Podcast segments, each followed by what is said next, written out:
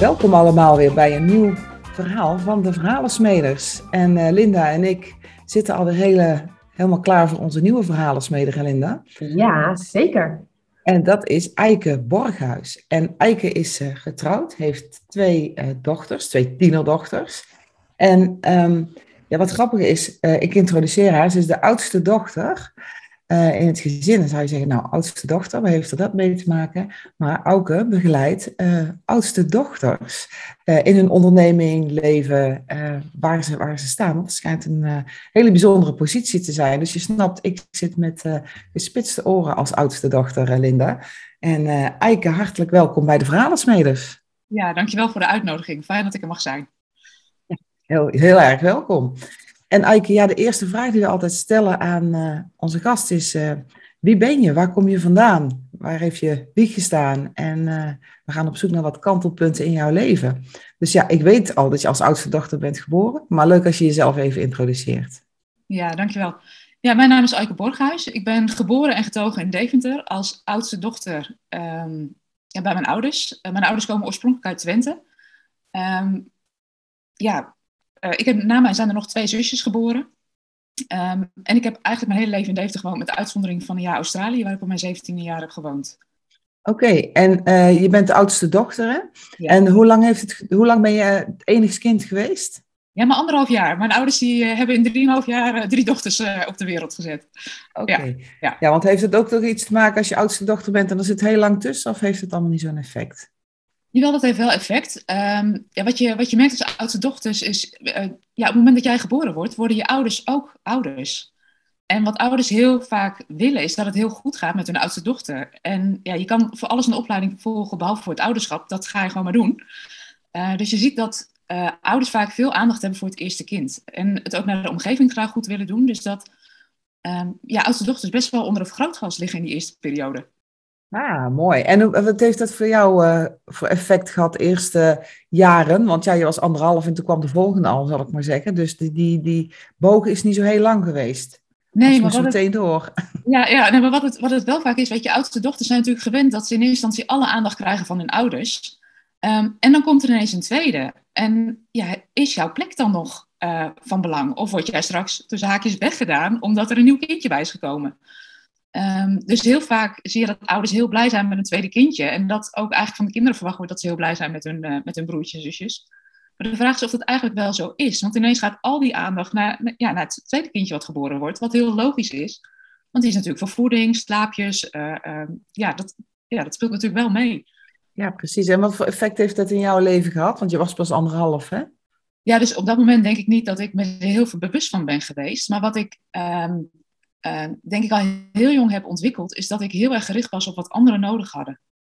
Dus dat ik eigenlijk al heel jong ben gaan kijken, wat hebben anderen nodig, hoe ontzorg ik anderen. Um, dus eigenlijk heel erg openstaan voor anderen en wat minder uh, gericht zijn op wat ik zelf nodig had. Dat eigenlijk ook niet zo goed weten. Ja, en hoe kwam dat tot uiting? Had je, werkte je dat op de basisschool bijvoorbeeld? Ja, wat dus... ik op de basisschool uh, bijvoorbeeld wel heb gemerkt, is dat ik het altijd heel uh, fijn vond om bij de groep te horen. Dus dat ik altijd heel erg mijn best deed um, om erbij te horen. En dat ging zelfs zo ver dat ik op een gegeven moment zelf snoepjes mee naar school nam om maar mee te mogen spelen. En ook ervaren heb, op een gegeven moment kwam een nieuw meisje bij ons in de klas. En dat is al wat later in, in de basisschoolperiode geweest. En die ging ineens met mijn beste vriendinnen om. En ja, waren er geen klik, dus ineens hoorde ik er niet meer zo bij. Ja, dat vond ik heel lastig. Ja, en, en hoe ga je daarmee om met dat soort situaties in die tijd? Ik ben altijd op zoek van, is dat... Ja, heel erg mijn best doen om, om toch aardig gevonden te worden... Uh, ja, en dan ineens geen uitnodiging krijgen voor een kinderfeestje, terwijl je eerder altijd wel uitgenodigd werd. Ja, dat waren geen leuke momenten. Dat kan ik ja. me voorstellen. Ja. En um, hoe heb je dat opgelost? Of loste zich dat vanzelf op? Ja, uh, aan de ene kant proberen heel erg om erbij te horen. Dus wel uh, op het schoolplein mee te doen met spelletjes. Um, maar op het moment dat je merkt dat dat niet lukt, je ook wel terugtrekken. Um, ja, en mijn terugtrekken zag er dan uit is dat ik me heel graag terugtrok met een boek. Oké, okay. nou is het natuurlijk in de pauze op school heel erg lastig. Ja, dat lukte niet. Nee, dan, dan stond ik wat meer aan de zijlijn. Of ik ja, zocht wat kinderen op met wie, met wie, ik wel, met wie het wel klikte. Um, maar dat heb ik wel lastig ervaren.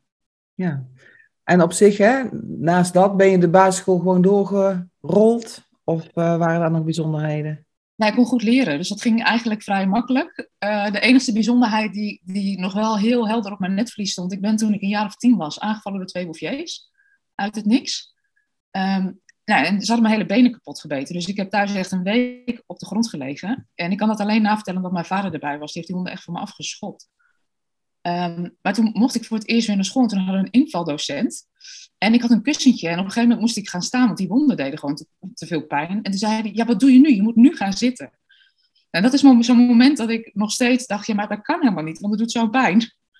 En achteraf, die docent wist het gewoon niet. Maar dat is wel zo'n moment, ja dat, die, ja, dat is je bijgebleven.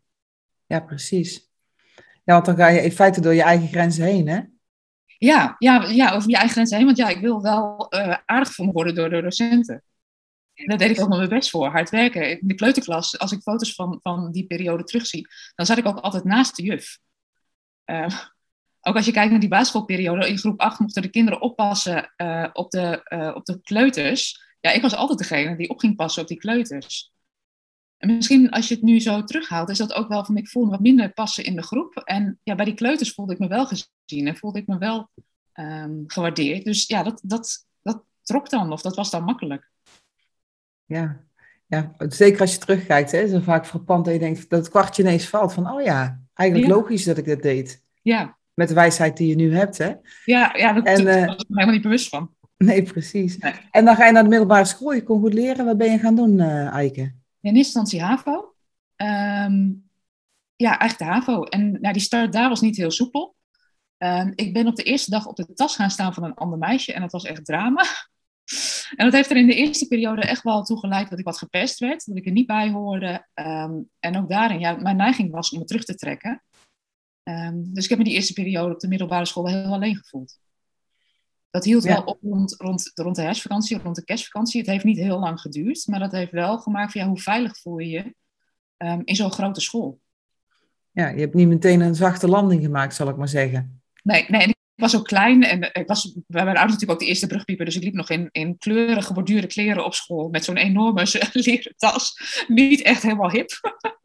ik luisterde nog naar Kinderen voor Kinderen. Weet je, ik was wat dat betreft ook nog wel heel jong en naïef toen ik die, uh, die stap zette. Ja, maar dat is dat allemaal weer goed uh, gekomen, zeg je zo, na de herfstvakantie. En uh, uh, ben je de HAVO doorgerold? Of ja, moet je er veel voor doen? Ik heb hard gewerkt. En niet zozeer omdat ik het niet kon, maar omdat ik het heel graag heel goed wilde doen. Ik had ook wel wat last van faalangst. Ja. ja.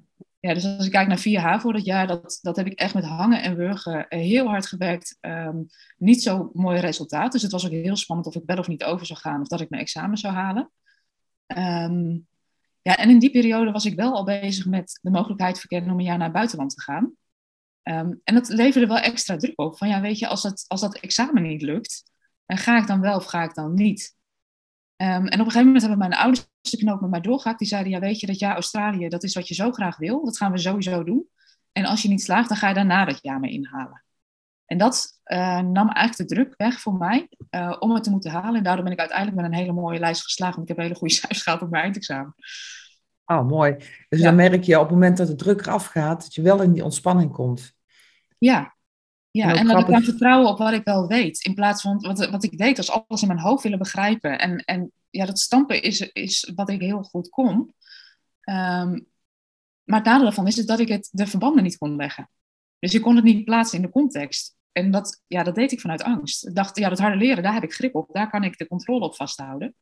Maar dat hielp natuurlijk niet echt. Nee, precies. Nee. En het, het verbaast me dan wel als ik jouw uh, leven zo hoor, dat je dan ineens zegt van, hé, hey, op mijn zeventiende ga ik met mijn rugzak uh, en geen geborduurd jurkje, of misschien weer wel, weet ik niet, ja. richting Australië. Waarom Australië? En waarom zo ver en waarom alleen? ja, ja wat, wat was nou, er was iemand op de uh, ik, had, ik wist echt niet wat ik wilde worden. Dus ik had zoiets, ja, weet je, een tussenjaar kan dan gewoon, um, ja, kan je dan helpen om te ontdekken wat ik wilde. Ik dacht ook, als ik een jaar weg ben, dan, uh, ja, dan ontdek ik wel wat ik wil. Uh, maar natuurlijk neem je zelf mee. Dus in dat jaar ben ik mezelf ook gewoon wel goed tegengekomen. Um, en wat er gebeurde, ik had op dat moment een oom en een tante die in Amerika wonen. En die hadden gezegd, je kan bij ons komen. En dan zou je een jaar middelbare school kunnen doen, buitenlandervaring. Um, want eigenlijk wilde ik rondtrekken, maar mijn ouders hadden zoiets, daar vinden we je echt te jong voor. En ik had natuurlijk ook nog geen rijbewijs, dus dat was in die tijd ook gewoon niet zo handig. Ehm, maar mijn tante werd ziek. Dus toen zeiden ze, ja, dat kan gewoon niet bij ons. En toen zeiden mijn ouders, ja, waarom dan Amerika en niet een ander land? En twee broers van mijn oma zijn na de oorlog geëmigreerd naar Australië. Dus ja, toen trok Australië ook wel. Ja, dus zo eigenlijk keuze voor Australië. Ja, precies. Ja, ik ben dan altijd benieuwd, want dan, uh, dan ben je 17 en uh, ja, je voelt je natuurlijk al heel volwassen op dat moment. Hè? Maar goed, je bent pas 17. Met je ja. rugzakje sta je dan uh, op Schiphol. En met, met, wat voor gevoel vertrek je dan? Ik heb gejakt. ik ben ziek geweest van de heimwee. ja, toen dacht ik, hier sta ik dan met mijn grote bek. ja, en, en wat het wel gebeurde, ik ging met een, met een groep. Het was een uitwisselingsprogramma, dus ik heb daar ook een jaar middelbare school gedaan. En wat mijn redding is geweest, denk ik, is dat ik in een Australisch gezin terecht ben gekomen met vijf kinderen, waarin ik eigenlijk vanaf dag één opgenomen ben als een van hun. Ja, dat is uh, mooi. Ja. ja. en in eerste instantie zou ik daar drie maanden blijven. En eigenlijk na een maand zeiden ze al, weet je wel, als je wil blijven, dan blijf je de rest van het jaar ook. Ook geweldig. Was je daar ook de oudste dochter? Ja. ja, nou, we Felicity, dat was hun oudste dochter, was 14 en ik was 17 toen ik daar kwam. Uh, maar ook voor haar moet het een enorme impact hebben, uh, hebben gemaakt. Want ja, het was een gezin met vijf kinderen, geen enorm huis. Dus zij moest haar kamer delen met mij. Ja, als 14-jarige tiener, uh, ineens zo'n ja, oudere zus, tussen haakjes erbij, was voor haar ook niet makkelijk. En aan de andere kant denk ik ook dat het er ontlast heeft, want ik heb gewoon heel veel bijgesprongen in dat gezin. Een gezin met vijf kinderen is altijd wat te doen. Ja, precies. ja, ja. Ja, en, en, en wat heeft jou het, uh, het jaar Australië opgeleverd, als je nu uh, terugkijkt? Dat ik weet dat ik me altijd kan redden. Ja, dat het altijd wel goed komt, wat er ook gebeurt. Ja. En had je van tevoren minder? Um, nou ja, ik had het gevoel dat ik me altijd moest bewijzen. En um, ja, en dat was gewoon wel heel bijzonder. Ik werd, ik werd in dat gastgezin heel erg gezien. Ik werd daar op de middelbare school heel erg gezien. Het was het, eerste jaar dat daar meiden werden toegelaten op school. Dus dat was echt nog compleet met bolhoed, met plooirok, met stropdas, dat ik daar een jaar uh, naar school ben geweest. Um, maar wat wel heel bijzonder was, is wat ze heel erg hebben gezien, is dat ik heel erg een verbinder ben. Dus aan het eind van het jaar werd er een nieuwe schooltrofee uh, geïntroduceerd, de Spirit of Friendship Award. En die wordt nog steeds ieder jaar uitgereikt. Oh, wat leuk. Het zijn wel dingen die best, ja, weet je, dat, dat, daar sta je niet zo bij stil. Maar voor die school was het dus blijkbaar ook, uh, had het ook toegevoegde waarde dat ik daar was dat jaar. Oh, mooi. Ja. En, ja. dan, uh, en dan mag je weer terug in, in het vliegtuig naar, uh, naar Nederland. Was het toen ja. ook tranen met tuiten? Of, Ja, ja, want dat gastgezin, daar had ik natuurlijk een hele bijzondere band mee opgebouwd. Ja. Dus dat, um, en daar heb ik me echt wel aan gehecht. Want als je kijkt naar de mensen op school, ja, je hecht je minder. Omdat je, uh, je zit in een hele andere fase. Jij bent al alleen in het buitenland. Zij wonen allemaal nog thuis. Dus dat is, dat is anders. Maar het gastgezin is wel een heel warm bad geweest. Um, en toen kwam ik terug. En toen hadden mijn ouders met de allerbeste intenties mijn kamer opgeknapt. Maar mijn kamer was dus niet meer mijn kamer toen ik terugkwam.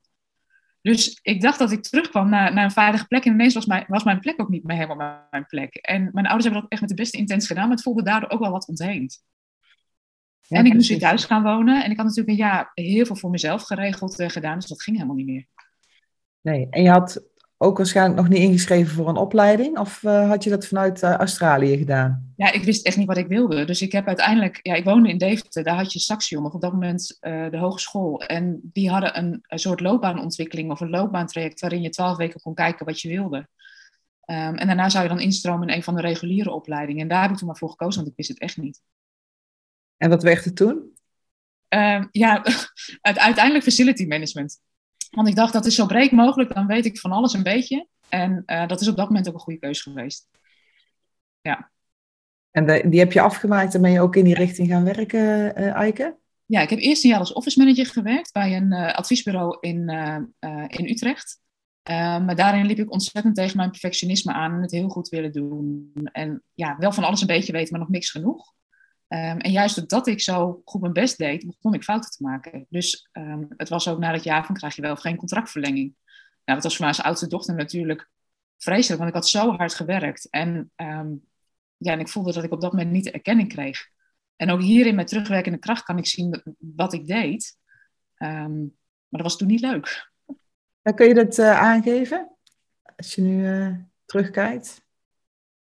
Ja, ik, ik was op dat moment helemaal niet in contact met mezelf. Ik vertrouwde helemaal niet op mezelf. Um, um, was me heel erg aan het aanpassen aan anderen. Um, ja, en was eigenlijk ja, niet in verbinding met mezelf.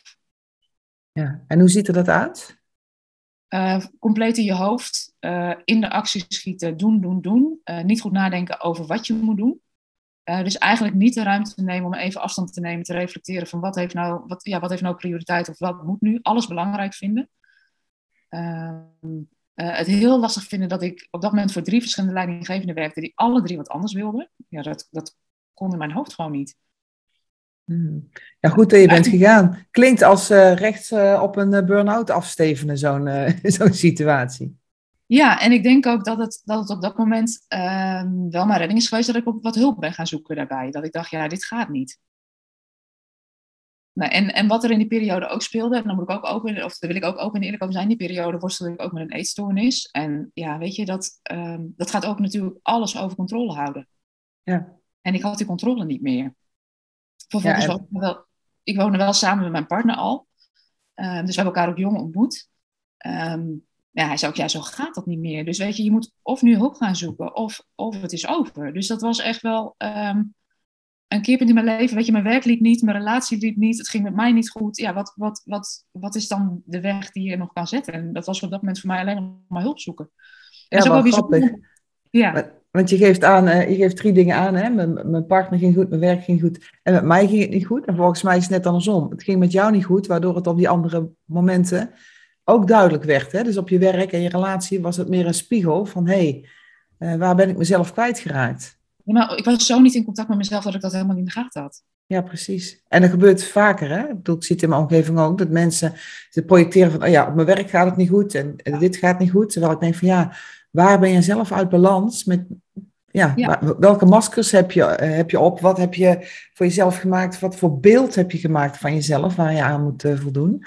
Uh, waar je lichaam automatisch scherp op reageert. Hè? En dan, uh, ik bedoel, ik herken het zelf ook. Hè? Dan was ik moe of ik had hoofdpijn en je pakt een sprintje en je gaat door. Terwijl je stelselmatig die signalen van je lijf ehm, negeert en niet luistert. Want je lijf geeft precies aan waar je zit. Ja, maar had ik op dat moment, ik was helemaal niet in contact met mijn lijf. Dus mijn lijf vond ik alleen maar lastig. Zo van, eh, wat nou hoofdpijn in het weekend? Wat nou last van mijn rug en mijn schouders? Um, wat nou af en toe die, die huilbuien die ik niet kon stoppen? En ik denk dat dat ook wel heel typerend is voor oudste dochters. Want dat is wat ik ook heel veel zie bij mijn klanten. We, we zijn vaak wandelende hoofden als je niet uitkijkt. Want dat is waar we altijd op getraind zijn. Op goed kunnen leren, op zien wat anderen nodig heeft. Er is, maar, er is maar nooit gevraagd hoe voel je je of, of wat zou jij willen. Dus ik wist het ook helemaal niet. Ik had ook geen flauw idee wat ik nodig had. Ja, dat is ook wel grappig. Ja, zo gaat het niet. Ja. Ja, ik herken die ook wel hoor. Um, van uh, um, het niet weten. Ik wist altijd precies wat anderen wilden. Had ik al ingevuld hè, voordat ze ja, dachten dat ze thee wilden, hadden ze al een kopje thee bij wijze van spreken. Hè? Dus, uh, uh, en als iemand vroeg, wat wil je doen? Zei als jij het leuk vindt, vind ik het ook leuk. Weet je? Dus ik herken die ook nog wel van, uh, van vroeger, zal ik maar zeggen. Uh, van dat zo gericht op die ander zijn, dat je precies weet wat de behoeften van de ander zijn. En dat je je eigen behoeften daarop aanpast. Linda. Ja. Oh, ja, Linda, jij wou, je wilde er even inkomen, hè? Ja, natuurlijk, want ik heb natuurlijk wel wat weer te melden. maar ook als, ja, als oudste dochter. En ehm, ik heb een, een, een, zus van negen jaar jonger. Dus ik ben heel lang ja, alleen geweest, had alle aandacht. Maar toen gingen we verhuizen. En toen kwam er niet alleen een nieuw huis, maar ook, tada, een nieuw zusje. dus ik weet nog dat mijn, uh, mijn moeder zei van, nou, ik heb een verrassing voor je. Dus ik dacht, oh, een nieuwe fiets. Of we gaan dit doen of dat doen. Nee, je krijgt een broertje of een zusje. Ik zei, nou, schijn ik gezegd te hebben, nou, doe dan maar een zusje. Dus, nou, daar hebben ze dan wel aan voldaan. Maar wat een, ja, dat is wel uh, wat jij allemaal beschrijft. Dat is wel heel herkenbaar. En ook hè, dat ja, perfectionisme en uh, verantwoordelijk voelen, druk voelen. en als ik dan ga kijken hè, naar jouw design. En je weet er natuurlijk al wel wat van, maar Ehm, ja, eigenlijk de gebieden die me heel erg opvallen en die ik terughoor, is ten eerste ook de druk. bij jou is jouw drive en uithoudingsvermogen is compleet open. Dus alles komt binnen en je weet echt niet wat je ermee moet. Dus die druk ook voor dat eindexamen, de druk in de hele wereld, de druk om als oudste dochter het goed te doen. ja, dat, uh, dat is gewoon heftig. En daar ja, wil je uiting aan geven. Je wil van dat gevoel af. Dus ga je heel hard werken. Dus dat zie ik heel erg terug. dat hoor ik ook echt door jouw levensverhaal heen. Maar wat ik ook heel duidelijk hoor, is dat jij een heel druk hoofd hebt. Dus letterlijk heb je ook, nou, je hebt een hele sterke mentale capaciteit. Um, heel goed in leren, heel goed in, in informatie verwerken. Maar dat is eigenlijk losgekoppeld energetisch in jouw design van jouw gevoel. En van jouw onderbuikgevoel. Je bent een, eh, een bouwer, een klassieke bouwer. En jouw waarheid zit in jouw onderbuik in combinatie met een emotionele golfbeweging. Jij bent juist heel goed in voelen. En als je alleen bent, dan is daar dus een, ehm, ja, een, een, dan mist daar de energetische connectie, waardoor je dus of in dat hoofd zit, continu aan het malen van oké, hoe kan ik mijn ideeën, mijn meningen, ehm, ja, wat ik, hè, jouw mentale denkkracht, hoe kan je dat gebruiken om jouw leven te verbeteren? En dan ben je los van je gevoel. Dat is wat ik heel erg heb eh, gehoord, terwijl je ondertussen, ehm, want je hebt eh, heel veel wilskracht, heel graag in controle bent van je omgeving, van wat jij doet en wat jij wilt. Dus ik zie daar eigenlijk een constante spanning tussen, uh, wat dan ook nog eens wordt versterkt door een open identiteit en richting. Dus ja, geen idee hebben welke kant je op gaat, wie je bent, hoe het allemaal werkt. Nou ja, en dan ook nog eens een andere omgeving krijgen als je terugkomt. Letterlijk dat jouw kamer veranderd is. Ja, ja ik, uh, ik hoor echt uh, alles zo uh, tot leven komen hè, in, je, in je design. En ja, dan ook nog dat je leert door vallen en opstaan. En dat doe jij je hele leven. En dat is ook wat ik hoor, dat je leert door ervaring. Dat je leert, oké, dit heb ik gedaan, dat heeft het me uh, als inzicht opgeleverd. Zo werkt het wel, zo werkt het niet. Ja, dat is uh, heel mooi uh, om, om ook te zien. Hè? Ook wel ehm, pijnlijk op, op momenten. Maar ik denk ook dat het je heel, heeft, heel erg vormt met ja, hoe je nu bent en hoe je nu kijkt ook naar ja, het leven, naar al die onderdelen in het, uh, in het leven. En uh, ja, dat je daarmee ook juist zo'n steun bent voor die oudste dochters. Want ik zie inderdaad ook faalangst in jouw uh, design terugkomen. En die, ik denk die algemene thema's, want ik hoor ze ook. Ook al ben ik, heb ik een ander design, ik ben tegen hetzelfde aangelopen als oudste dochter. Je wil het goed doen. Er ligt een bepaalde druk sowieso, want je bent ja, inderdaad het eerste proefkonijn, hè? Ja, je ouders weten er allemaal helemaal niks van. Ja, jij als kind ook niet. Je komt ook maar op die wereld. en ik weet ook dat, dat ik als oudste dochter ook altijd mee moest naar dingen.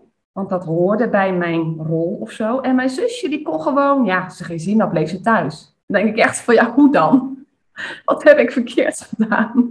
Allemaal maar allemaal. Maar het is allemaal zo subtiel hoe dat doorwerkt ook in hoe je in een werksituatie gaat kijken, dat je, hoe je je opstelt, dat je de dingen overneemt, zoals jij ook in dat gezin. Je neemt gelijk een bepaalde verantwoordelijkheid, je gaat meehelpen, je ziet werk, je ziet waar de dingen moeten, gedaan moeten worden. Soms best lastig, hè, als je alleen maar werk ziet.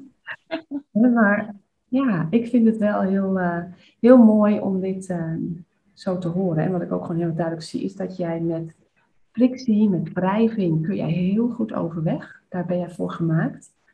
letterlijk het leven ervaren ook vanuit dat stuk. En het laatste stuk ook wat ik hoorde is, jij brengt inderdaad, en ik weet dat je ook met groepen werkt, en horen we zo uh, nogal meer over wat je allemaal doet. Maar jij, jouw energie brengt connectie tot stand. Kan echt een verbinding tot stand brengen. Ja, dat is echt een hele gave sterke kwaliteit. Dus uh, nou, voordat ik weer helemaal uh, nog 60.000 dingen ga vertellen, want ja, ik blijf dan maar praten, ben ik ook heel benieuwd hoe, uh, ja, hoe jij verder weer dichter bij je gevoel bent eh, gekomen uiteindelijk. Ja, daar had ik nog een paar keer vallen en opstaan voor nodig.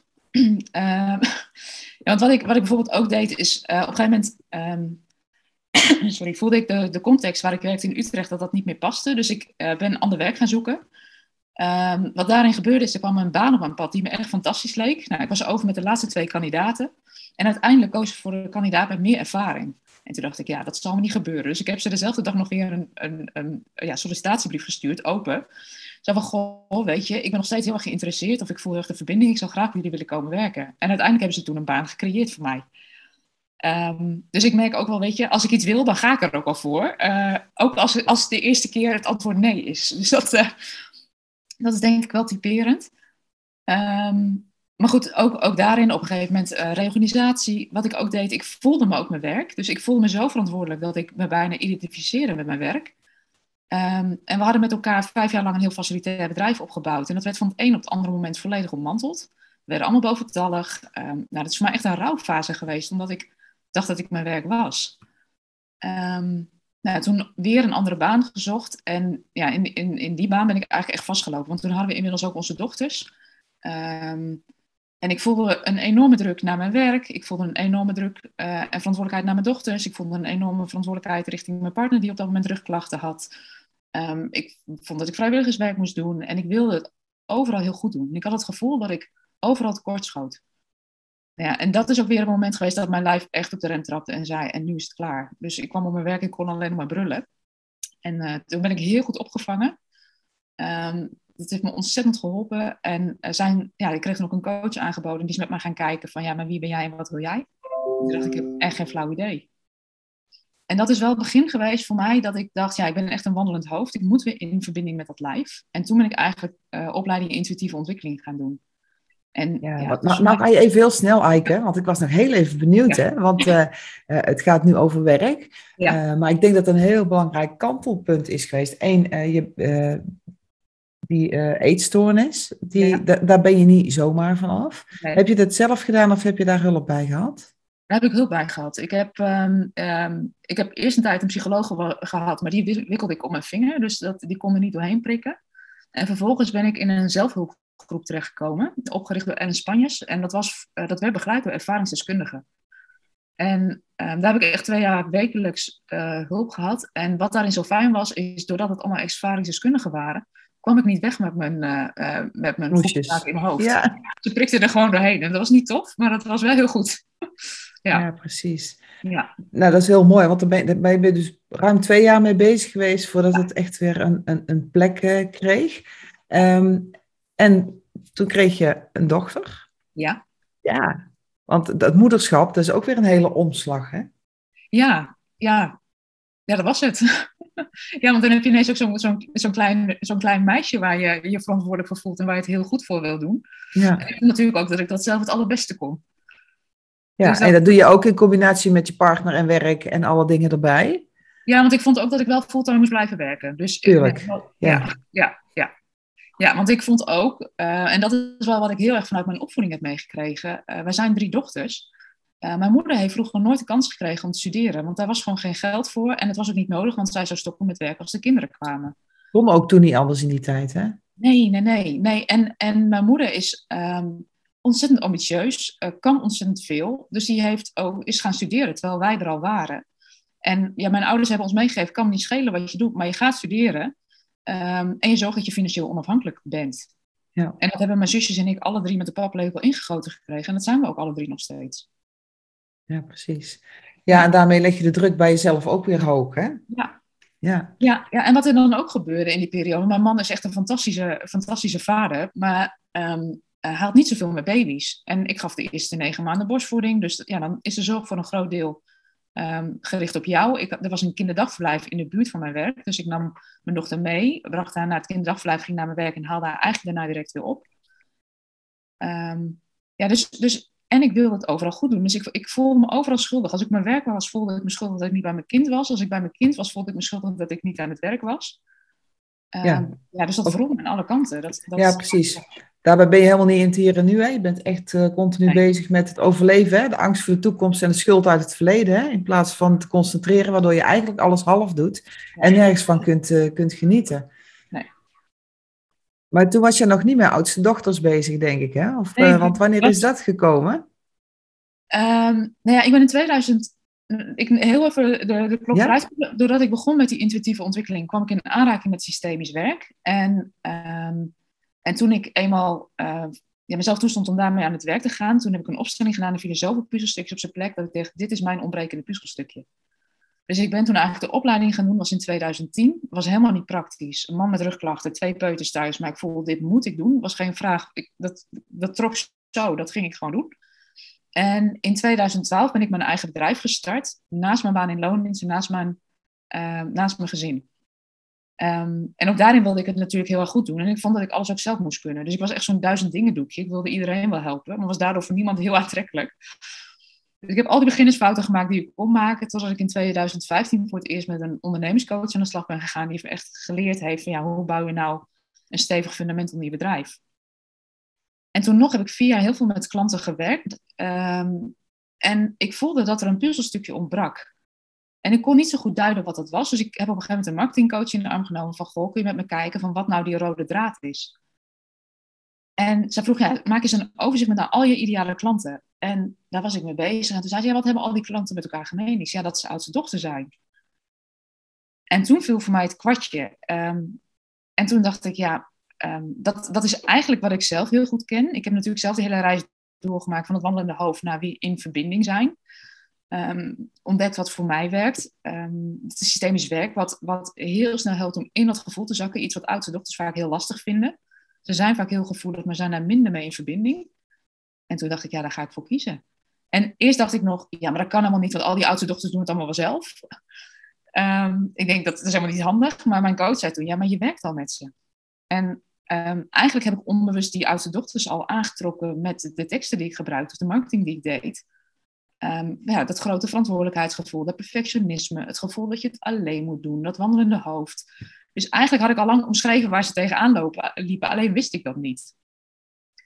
En wat ik denk wat daarin, um, want je kan alleen maar de, de dots connecten als je achteraf terugkijkt. Achteraf gezien is er in 2014 al een zaadje geplant tijdens de oudste dochterdag. En uh, Lisette Schuitenmaker en Wies Enthoven, die wilden een boek schrijven over oudste dochters, omdat zij ontdekten, wij zijn vriendinnen. Um, en we hebben heel veel gemeen en zijn toch heel verschillend. Um, dus zij bedachten, ja, we willen dat boek schrijven, maar laten we nou dat doen door input op te halen met allemaal oudste dochters samen. En ik ben die dag een van die workshopleiders geweest. Um, ik was daarvoor gevraagd. Ja, en eigenlijk is achteraf daar dat zaadje al geplant. Alleen dat, dat is vijf jaar later, viel dat kwartje pas. Ja, mooi om te horen. Ja. Want komen oudste dochters automatisch naar jou toe? Je hebt geen uh, jongste dochters. Zijn, je richt je echt voor ondernemers en, uh, en, en ja, oudste dochters dus. Of ze nou ondernemer zijn of wat dan ook. Ja, en dat vond ik in het begin wel heel lastig. Want wat ik, wat ik merkte, ik ben natuurlijk systemisch opgeleid. En systemisch opleiden is iedereen insluiten. En dat is ook wat ik wil. Uh, maar wat het voor mij makkelijker maakte, is dat ik zei: iedereen is welkom, ik richt me alleen niet op iedereen.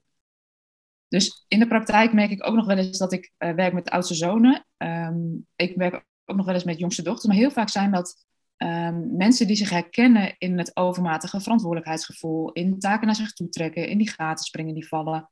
Um, dus de problematiek, uh, en zo zullen oudste dochters dat niet noemen. Uh, maar de dingen waar ze, waar ze soms tegenaan lopen of de valkuilen waar ze instappen, daar, ja, daar help ik ze mee.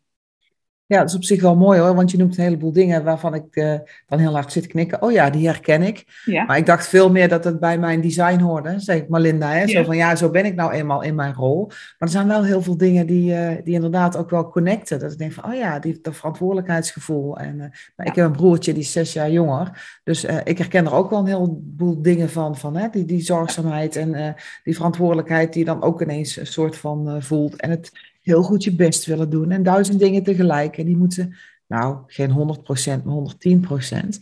En ik vond wel een hele mooie uitspraak. Hè? Je hebt een heel mooi boekje, Oudste Dochter. Ontdek hoe je plek in het gezin van invloed is op je kwaliteiten en valkuilen. En daar had je een hele mooie uh, spreuk in staan. Uh, je moet het zelf doen, je hoeft het niet alleen te doen. En toen dacht ik, wauw, die resoneert wel. Ja. ja, en ik denk wat alle oudste dochters met elkaar gemeen hebben, is dat we vinden dat we het zelf moeten oplossen.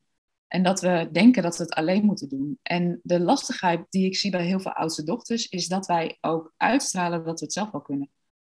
En doordat we dat uitstralen, krijgen we ook eigenlijk nooit de vraag: um, Goh, zou ik je ergens mee kunnen helpen? En wat daarbij ook vaak komt, is dat we hulp um, aannemen vaak heel lastig vinden. Ja, herkenbaar. Ja. Ja, Ik ik bijna bijna een ook soort even heel hard mee te knikken hoor. Ja. Ja, we stralen uit dat we, het- dat we het alleen kunnen, dus daardoor krijgen we ook nooit de vraag. Ik heb zelfs gehad toen ik terugkwam van mijn zwangerschapsverlof, dat een van mijn collega's tegen me zei, oh wat fijn, je bent er weer, nu weten we zeker dat alles goed geregeld is. En toen dacht ik even, "Ah, klopt dat? Ja, weet je, dus, dus eh, aan de ene kant voelde ik me gevleid, want ik voelde me gezien. Maar aan de andere kant dacht ik, het klopt niet. Dat, dat als ik er ben, dat alle gaten worden dichtgelopen. Nee, nee, maar dit is zo herkenbaar. Dat is ook iets eh, waar jij me op attent hebt gemaakt. Ja. Is dat de valkuil. En ik, hè, wat, wat ik triggerde ook even wat Lia net zei over, hè, is het mijn design of eh, is het... eh, maar ik heb zo het gevoel dat je plek, en jij weet natuurlijk, eh, en Lia trouwens ook, allebei met jullie hè, systemisch opgeleid zijn, dat sowieso ook de plek in een gezin al zoveel conditionering met zich meebrengt. En ik denk zelfs een conditionering die als een soort universele wet bijna. De plek die je inneemt heeft al zo'n zo'n invloed. Ja, is mijn gevoel dat je daardoor ook, ja, hoe je design ook is, dat heeft al een conditionerend effect. En als je dan in je design ook nog aanleg hebt voor perfectionisme, nou dat hoor ik eh, heel erg terug herken ik ook bij mezelf. En ook nog, ehm, nou ja, die open bent zoals jij ook voor die druk om te laten zien. Hè, en ook nog faalangst. Dan gaat het allemaal bij elkaar optellen, heb ik het gevoel. Ja, ja En en wat ik systemisch gezien wel, wel heel erg zie, is wat, je, wat ik zie, dat veel dochters ook niet op hun eigen plek staan. eh, in het familiesysteem. En dat herken ik bijvoorbeeld zelf ook. Ik kan heel makkelijk me groter maken dan anderen. Als ik kijk naar mijn eigen, mijn eigen jeugd. Mijn moeder is gaan studeren toen wij... Ik was twaalf en mijn zusjes waren nog wat jonger. En wat ik ongevraagd ben gaan doen, dat hebben mijn ouders echt niet gevraagd. Maar ik voelde dat mijn moeder heel druk was. Dus ik ben dingen in huis gaan overnemen. Ik ben een beetje gaan bemoederen over mijn zusjes. Ehm, dat leverde soms gedoe op met mijn moeder, maar dat leverde ook gedoe op met mijn zusjes. Die zeiden, ja weet je, je hoeft me niet te vertellen wat ik moet doen, want ik heb al een moeder. Dat patroon wat ik vanuit dat gezin heb ontwikkeld, dat herhaalde ik ook in mijn werk. Dus ik had ook de neiging, onbewust, om mijn leidinggevende te gaan vertellen wat hij moest doen. Ja, dat, dat werkt natuurlijk niet. Weet je, want je maakt je, je, maakt je groter dan, dan je leidinggevende. Ja, dat levert gegarandeerd gedoe op. En dat doe je met de beste intenties. Uh, maar als je daar niet bewust van bent, dan blijf je dat patroon herhalen. Dus je herhaalt het in het gezin van herkomst, je herhaalt het in je werk, je herhaalt het in je vriendengroep. Als er wat georganiseerd moet worden, ben jij degene die het wel regelt. Um, dus dat patroon wat je in dat gezin van herkomst zo ontwikkelt, herhaal je in andere contexten. En daarom denk ik dat het voor oudste dochters ook zo helpend is om te kijken, hey, wat zijn nou die patronen waar ik steeds tegenaan loop, wat herken ik nou? Um, om dan eens te kijken van, wat zou ik daarmee kunnen? Ik heb drie leidinggevenden versleten. De eerste keer dacht ik, god, wat heb ik een lastige leidinggevende. Toen dacht ik, ik zoek een andere baan. De tweede leidinggevende gebeurde dat weer. Ik dacht, hé, wat een perg, weer zo'n leidinggevende met wie het niet botert. Um, en bij de derde keer dacht ik, hmm, misschien moet ik toch eens naar mezelf gaan kijken. En pas toen in een opstelling voor mij duidelijk werd van, ja, je maakt je groter. dacht ik, oh, wacht. Dit is een patroon wat ik op heel veel plekken herhaal. Zo, nou, ik echt, ik denk Lia ook. Ik, nou, ik heb er nooit keer ontslagen. Oh, dit is zo herkenbaar. Nou, dit is eventjes oud hoor. Dit is even, oh, ja, dat ja. zal wel meegeholpen hebben, ook in mijn, uh, in mijn leven met leidinggevende. Nee, en ik denk dat niet voor niks heel veel oudste dochters voor zichzelf werken. Veel Ja. oudste dochters denken op een gegeven moment, weet je, ik wil het zelf kunnen bepalen, ik start mijn eigen systeem. Ja, die is herkenbaar hoor. Ja. Ook met die leidinggevende. Ik heb zelfs letterlijk een, een opstelling een keer eh, gehad. Dat, eh, dat die coach zei, ehm, ga, eens, ga eens van die stoel van je baas af. Of ik schop je eraf. Je gaat elke keer op, eh, op zijn stoel zitten of op haar stoel zitten. Terwijl ik dat zo helemaal niet zag. Ik dacht van ja, weet je, ehm, ik weet hoe het moet, dus eh, ik, eh, ik ga het doen. Maar dacht van daarmee ontnam ik ook die leidinggevende eh, zijn rol om, om, om zijn positie te pakken, zal ik maar zeggen. En ik zat echt letterlijk op de verkeerde stoel. Doordat ik ja, inderdaad systemisch een andere rol pakte. En grappig, want ik ben toen ik voor mezelf begon, was ook precies die reden dat ik dacht van, ik heb geen zin meer eh, om elke keer eh, aan te passen aan wat die ander doet of mezelf tegen te houden. Zo voelde het bijna. Dus nu jij hem zo zegt, denk ik van, oh, dat is voor mij inderdaad ook wel de trigger om voor mezelf te beginnen. Ja, en de valkuil die daar ook nog eens bij komt, stel dat je wel in loondienst bent en je hebt een neiging je groter te maken dan je leidinggevende, is dat je nooit voelt wanneer je opdracht klaar is. Dus het begrenzen van wanneer is mijn werk klaar en wanneer hou ik mijn verantwoordelijkheidsgevoel op, mis je vaak. Dus dat zijn ook echt wel ingrediënten die ik veel zie, die kunnen leiden tot een burn-out of, of overbelasting. Ehm, omdat we niet voelen wanneer het klaar is. Ja, precies. want je bent een opdracht aan het vervullen die niet jouw opdracht is. Ja, en wanneer je een leidinggevende heeft die een beetje lui is, zal ik hem dan maar zo noemen, in mijn beeld van de wereld, die vindt het heel prettig. Want die schuift ook heel veel van zijn bordje, of haar bordje, door naar jou. Want die denkt van, nou, weet je, dat gebeurt wel. En uh, ze vinden het leuk om een extra uitdaging te hebben. Dus je blijft maar inderdaad gas bijgeven en steeds meer uh, je grenzen echt niet bewaken. En in een gat springen. Dat doe je s'avonds ja. maar een keer iets of uh, in het weekend. Ik zei ik vroeger altijd, ja, een dag heeft 24 uur. Dus je kan heel veel werkweken in een dag stoppen. Hè? Ja. ja. Ja, en dit is ook wat, wat ik wel zie, want, want um, veel oudste dochters die worden vaak ook gezien voor wat ze doen en niet voor wie ze zijn. Dus we halen onze erkenning vaak ook uit de bevestiging die we krijgen van anderen over wat we allemaal neerzetten of wat we bereiken. Ja, en dat is natuurlijk nooit, nooit houdbaar, want het gaat erom, weet je, wie we, ja, wat, wat wil je zelf? Dus dat... Ja, dat klopt. En dat, dat gebeurt al heel vroeg, hè? want wanneer ik terugkijk, ik heb me ook heel lang geïdentificeerd met het cijfer dat ik haalde. Ja. Want mijn ouders waren heel, nou, heel prestatiegericht wil ik niet zeggen, maar het was altijd van, oh, een acht heb je goed gedaan, oh, een zesje of een vijfje, oh, dan moet je de volgende keer beter je best doen. Terwijl dat een vak was waar ik bijvoorbeeld dan niet zo goed in was en al heel erg mijn best had gedaan. Dus bij mij was het ook heel erg gekoppeld in die tijd aan mijn identiteit. Ja, dus slecht punt, ben ik niet goed, word ik afgewezen, voel ik me afgewezen. Dus het heeft ook wel een tijd geduurd voordat ik me daarvan uh, bewust was. Gelukkig heb ik dat uh, al die bewustzijn is al gekomen voordat mijn kinderen er waren. Dus ik heb die altijd wel bij hun losgekoppeld. Uh, en ook wel heel grappig om te zien uh, dat mijn oudste dochter inderdaad af en toe ook uh, zich eh, richting dat broertje en zusje eh, richtte. Van ik, ik neem de, de, de moederrol, zal ik maar zeggen. Maar dat, is, dat werd inderdaad niet geaccepteerd. Grappig dat ik dat nou zo terug hoor. Ja, en, en het is, ik denk als je daar bewust van bent, van dat dat iets is wat makkelijk op oudste dochters wordt geprojecteerd, is dat je daar ook bewust van bent. Ik zal tegen mijn oudste dochter nooit zeggen van je moet op je zusje passen. Nee, dat klopt, dat was een enorme trigger. Mijn oma zei vroeger uh, tegen mij, jij bent de oudste, dus jij moet het verstandigste zijn. Terwijl mijn broertje echt gedrag had wat niet kon. Kon ik zo kwaad om worden? Ja. Ja. Geweldig. En Eike, jij uh, werkt voor jezelf hè? ook. Ja. En um, wat, wat voor uh, bedrijf ben je gestart? Of heb je nu, want je bent het al een tijd gestart, je doet het al lang. Ja, als ik nu kijk, in de praktijk werk ik alleen met oudste dochters. En het gaat om oudste dochters die veel verantwoordelijkheid op zich nemen, dat ook goed kunnen. Uh, maar die voelen dat het wel wat lichter mag. Dus ik help ze eigenlijk om eerst hun eigen plek in te nemen, weer te gaan voelen en te ervaren wie ben ik en wat wil ik. En van daaruit keuzes te maken in uh, je leven en werk. Dus het gaat eerst om de verbinding met jezelf en daarna de verbinding met uh, je omgeving. En dat doe ik met professionals, dat doe ik niet alleen. Dat doe ik samen met Ariana, die ook oudste dochters coacht. Um, en ik werk veel met vrouwelijk leiders en daar heb ik een jaarprogramma voor ontwikkeld. Waarin we een jaar lang met elkaar um, ja, op ontdekkingstocht gaan. Wie ben ik? Uh, hoe geef ik vorm aan mijn eigen leiderschap? En hoe doe ik dat ook in die buitenwereld? En ik lees ook echt systemisch kijken en werken, omdat uh, mijn ervaring is dat als je met die onderstroom kan werken, dat je vaak ook uh, minder hard hoeft te werken, maar slimmer kan werken.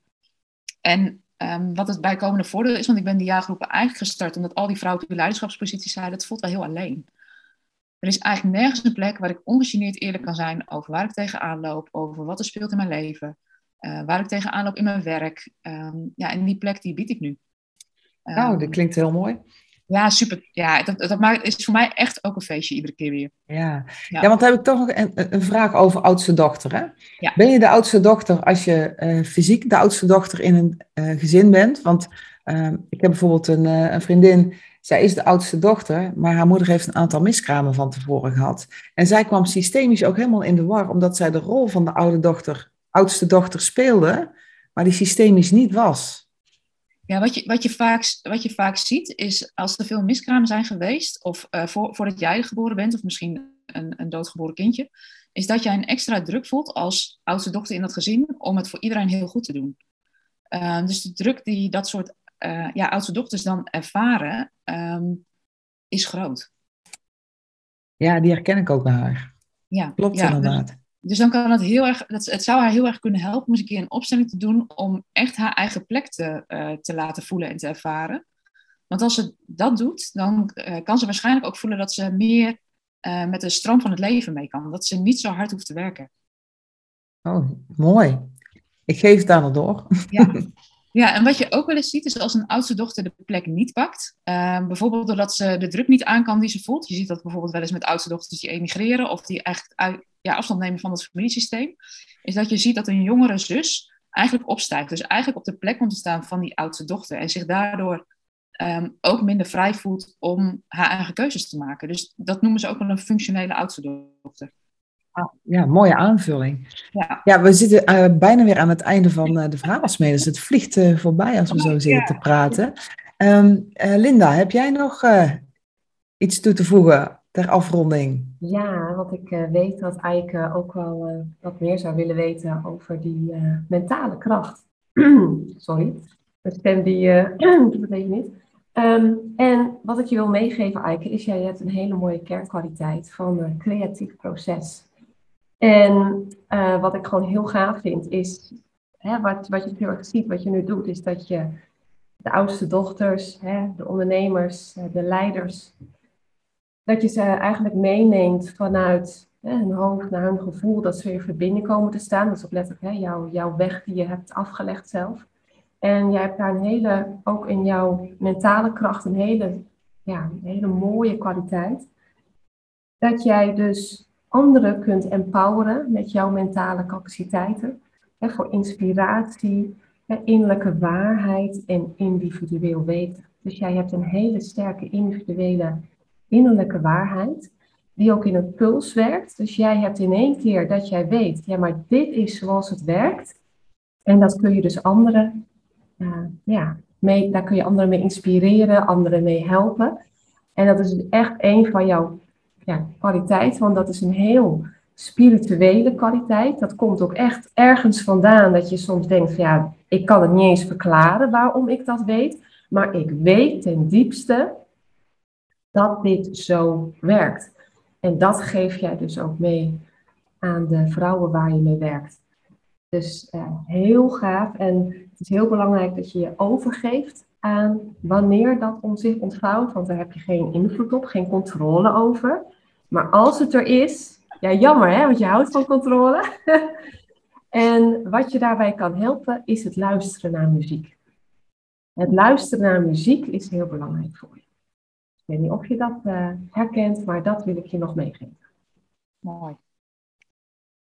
En dat herken ik wel, want als ik schrijf of als ik creëer, heb ik altijd dezelfde, eigenlijk ook altijd dezelfde muziek op staan. Die helpt me ook om in verbinding te komen met mezelf en dan stroomt het ook makkelijker met pen uit. Ja. Kijk, weer een punt van herkenning. Mooi. Ja. Uh, dankjewel, uh, Eike. Heb jij nog uh, een laatste woord voor de luisteraars?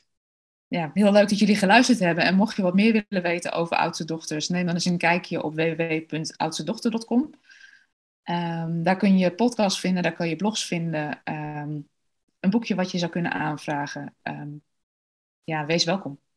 Ja, mooi om te horen.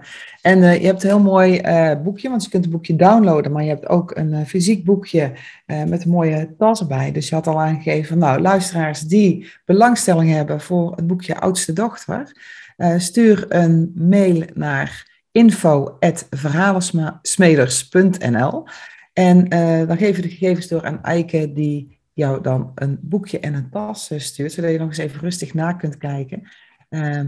Wat effecten zijn voor jou als oudste dochter.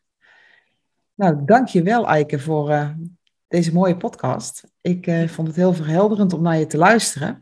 En ik denk, ah, oh, had ik dit maar twintig jaar eerder geweten. Maar goed, ja. dat is het dus niet. Maar nog niet te laat voor al die andere, alle andere oudste dochters om, uh, om te kijken en, uh, en zich te laten inspireren door jou. Dus hartelijk dank voor, voor jouw komst, voor jouw verhaal.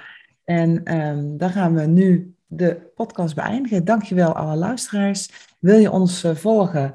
Um, abonneer je dan op de video, of nou, de video hebben we niet meer, Linda. Op de podcast Verhalensmeders. En je krijgt automatisch elke maandag bericht wanneer er weer een nieuwe Verhalensmeder online komt. Dankjewel, fijne week en blijf gezond.